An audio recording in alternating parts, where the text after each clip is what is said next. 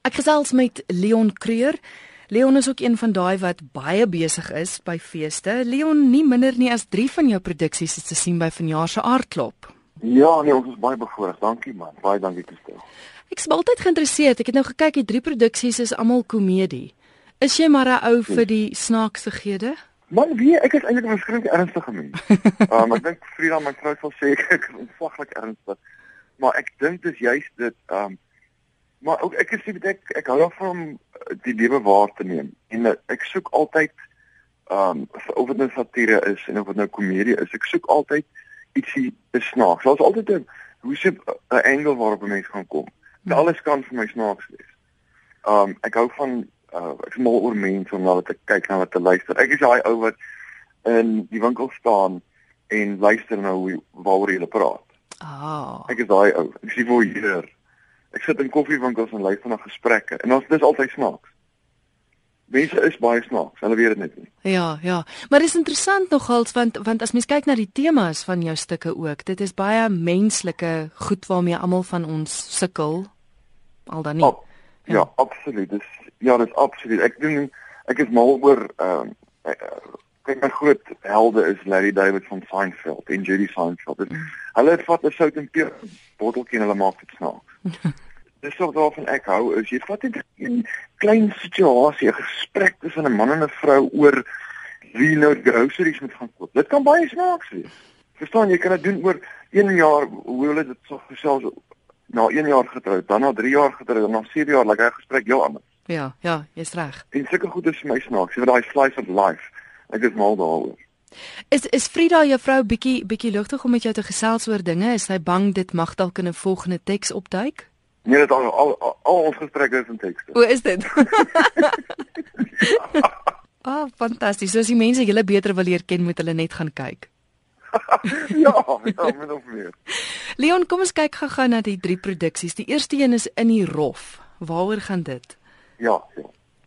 Want in die hof is uh, Neil van Jaarsveld het uh, my genade vir jare wat terug gesê, maar hy wil graag 'n uh, uh, eenman vertoning komedie doen oor golf. Hy's 'n verskillende krangige golfspeler en ek dink as Neil nie opstel is of iewers werk nie, speel hy golf. Dit is dis wat hy doen.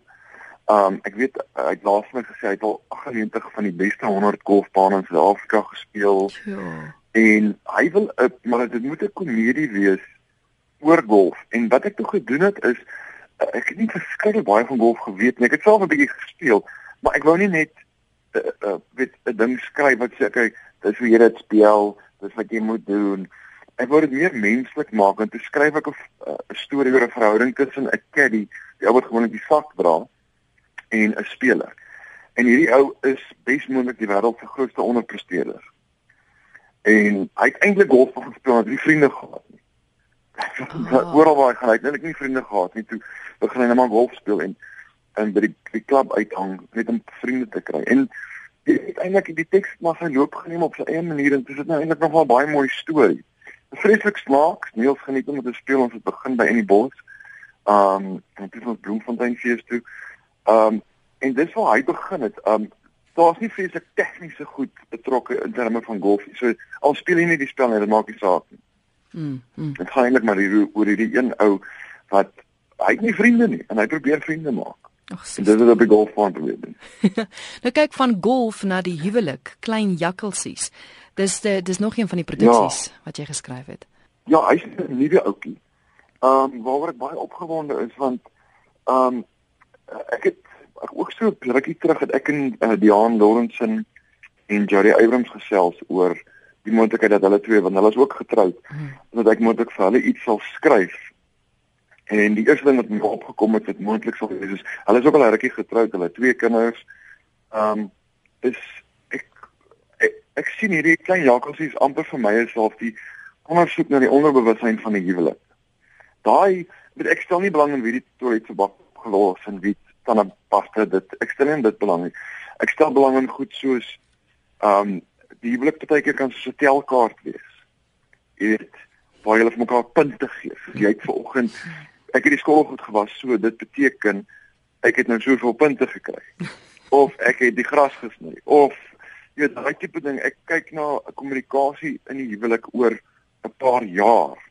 ehm um, hoe lang gesprekke en die spasies tussen julle net baie keer weier word.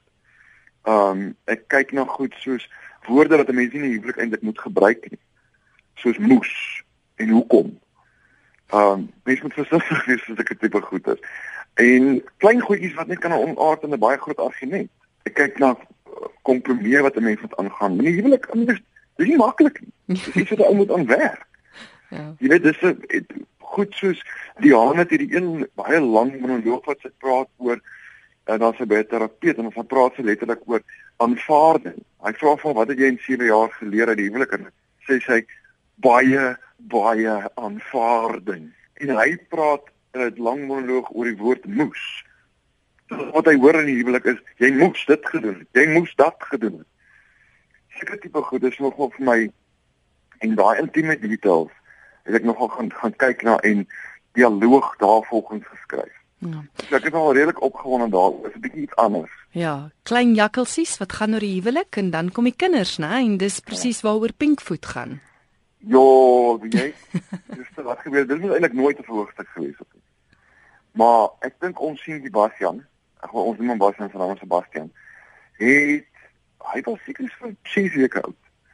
En toe een keer 3 die oggend te staan in sy kot was in die kamer alles en ek staan op en ek is hierdie slaap en ek sê vir Frida en jy wil nog een hê? Ek is klaar. Ek is klaar. Ek storm by die kamer uit en gesit voor my rekenaar en ek voel so totale mislukking. Ek het totale mislukking gevoel. Ek weet nie wat om te doen nie met hierdie kind.